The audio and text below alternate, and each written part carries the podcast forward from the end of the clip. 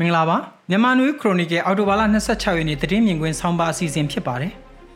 ဒဇယ်မြို့မှာစစ်ကောင်စီတပ်တွေမှုနှောက်နေမိုးကုတ်နောင်ချိုပြင်ဦးလွင်လန်းကတိုက်ပွဲတွေဆိုတဲ့ခေါင်းစဉ်နဲ့ရေးသားဖော်ပြပါရှိတဲ့ အော်တိုဘာလ26ရက်နေ့ရဲ့သတင်းမြင်ကွင်းဆောင်းပါကိုဖတ်ကြားတင်ပြမှာဖြစ်ပါတယ်။စကိုင်းတိုင်းဒဇယ်မြို့ဟာစကိုင်းတိုင်းထဲကမြို့နယ်အတော်များများလိုပဲ PDF လက်နက်ကင်တပ်ဖွဲ့တွေလှုပ်ရှားမှုရှိတဲ့မြို့နယ်တစ်မြို့နယ်ဖြစ်ပြီးကုံလွန်ခဲ့တဲ့နှစ်နှစ်ခွဲကျော်ကာလအတွင်းမြို့နယ်တွေကကြေးရွာတွေအလုံးဒီပါလဲစစ်ကြောင်းမဝင်ဘူးဖျက်ဆီးမခံရဘူးတဲ့နေရာမရှိတော့တော့အောင်အနှံ့ပြားဝင်ရောက်ဖျက်ဆီးမိရှုခံခဲ့ရတဲ့မြို့နယ်တစ်မြို့နယ်ဖြစ်ပါတယ်။ စစ်ကြောင်းဝင်ရောက်တာဖြတ်သွားတာတွေနဲ့ပတ်သက်လို့ဒဇယ်မြို့နယ်တွေကကြီးရွာတွေမှာအမြဲတမ်းနားဆွေနေရပြီးအင်တာနက်နဲ့ဖုန်းလိုင်းလည်းအမြဲတမ်းရရှိတာမဟုတ်လို့စိန်ခေါ်မှုတွေကြားတဲ့ကအသက်ရှင်သန်အောင်စူးစမ်းနေထိုင်ကြရတာဖြစ်ပါတယ်။စစ်အာဏာမသိမ်းမီအနေထားနဲ့ဆိုရင်ရေနံမော်ရွှေမော်စိုက်ပျိုးရေးနဲ့စီးပွားရေးအတန်တင့်ကောင်းတယ်လို့ဆိုနိုင်တဲ့ဒဇယ်မြို့နယ်တွေကကြီးရွာတွေဟာစစ်အာဏာသိမ်းပြီးနောက်နေအိမ်တွေပိုင်ဆိုင်တဲ့ရိတ်ခါတွေမိရှို့ဖျက်ဆီးခံရတာ စိုက်ပျိုးရေးလုပ်ငန်းလုပ်ကိုင်ဖို့ဒေသလုံခြုံရေးအခြေအနေမကောင်းတဲ့အတွက်အလုပ်သမားငှားရမ်းဖို့အခက်ခဲနဲ့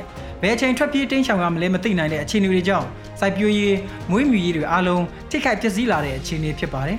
။အခုရက်ပိုင်းတွင်ဖြစ်ပွားနေတဲ့နေအိမ်တွေဝင်ရောက်ရှာဖွေတာဖမ်းဆီးတာတပ်ဖြတ်တာတွေကဒဇယ်မြို့နယ်တွေကကြေးရွာတွေမဟုတ်တော့ဘဲမြို့ရဲ့ရက်ွက်တွေမြို့ထဲကဈေးတွေလိုနေရာမျိုးတွေဖြစ်လာပါတယ်။ PDF တွေမြို့ထဲနဲ့မြို့ရဲ့အချို့နေရာတွေမှာလှုပ်ရှားနေတယ်ဆိုတဲ့တန်တရားနဲ့မှုန်နှောက်နေတဲ့သဘောလည်းဖြစ်ပါတယ်။ စကိုင်းတိုင်းထဲကမြို့နယ်ရုံးဆိုင်ရာနေရာတွေခရိုင်ရုံးဆိုင်ရာမြို့တွေကိုစစ်ကောင်စီကထိန်းချုပ်ထားဆဲဖြစ်ပြီး PDF တွေအနေနဲ့ကြေးရွာတွေမှာဖွဲ့စည်းလှုပ်ရှားကြတာ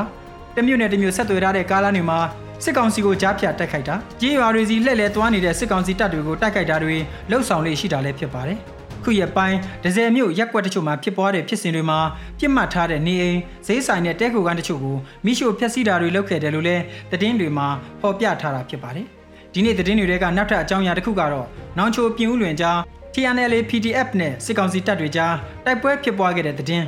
မိုးကုံမြို့နီးကကြေးရွာတချို့မှာလည်းစစ်ကောင်စီတပ်တွေကို TNL PDF တွေကတိုက်ခိုက်နေတဲ့သတင်းတွေဖြစ်ပါတယ်မန္တလေးတိုင်းကပြည်ဦးလွင်နဲ့ရှမ်းပြည်နယ်မြောက်ပိုင်းနောင်ချိုမြို့ဆက်သွယ်ထားတဲ့ပြည်တော်စုလမ်းမကြီးလို့ခေါ်ဆိုတဲ့မန္တလေးလာရှိုးလမ်းနဲ့နီးတဲ့နေရာတချို့မှာစစ်ကောင်စီတပ်နဲ့ TNL PDF တို့တိုက်ပွဲဖြစ်ပွားနေတဲ့သတင်းတွေထပ်မံထွက်ပေါ်လာပါပြီ။ တပြိုင်နက်တည်းမှာပဲမန္တလေးတိုင်းမိုးကုတ်မြို့နီးကညောင်ကုန်းရွာနားမှာရှိတဲ့စစ်ကောင်စီတပ်စခန်းတွေကို TNL PDF တပ်ဖွဲ့တွေကအော်တိုဘာလ26ရက်နေ့မှာတိုက်ခိုက်ခဲ့ပြီးစစ်ကောင်စီဘက်ကလည်းလေကြောင်းပစ်ကူနဲ့မြေပြင်ကလက်နက်ကြီးတွေပစ်ကူပြီးပြန်လည်တိုက်ခိုက်ခဲ့တယ်လို့သတင်းတွေမှာဖော်ပြထားကြပါတယ်။ရှမ်းပြည်နယ်မြောက်ပိုင်းနောင်ချိုမန္တလေးတိုင်းမိုးကုတ်စတဲ့ဒေသတွေက TNL လက်နက်ကိုင်လှုပ်ရှားရာဒေသတွေဖြစ်ပြီးရှမ်းပြည်နယ်မြောက်ပိုင်းမှာစစ်ကောင်စီရင်ဆိုင်တိုက်ခိုက်နေရတာ TNL တပ်ဖွဲ့တွေမဟုတ်ဘဲ KIA,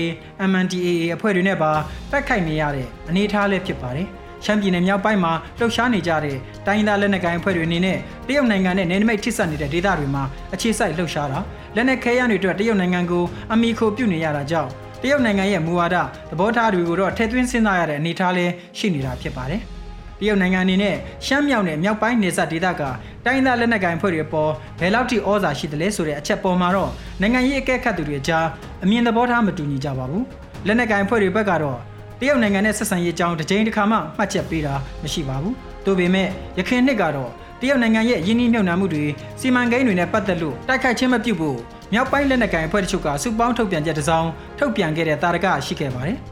စစ်ကောင်စီအဖို့စကိုင်းတိုင်းကရင်ပြည်နယ်ကရင်ပြည်ဒေသမကွေးမြောက်ပိုင်းချင်းပြည်နယ်နဲ့ကချင်ပြည်နယ်တို့မှာတပြိုင်နက်တည်းစစ်ရေးအရရင်ဆိုင်တိုက်ခိုက်နေရတာဖြစ်ပြီးလက်ရှိအနေအထားထိတော့နေချင်းညာချင်းအရှုံးနိုင်ဖြစ်ထွက်မဲ့အနေအထားမျိုးမဟုတ်သေးဘူးလို့ခန့်မှန်းကြည့်မိပါတယ်။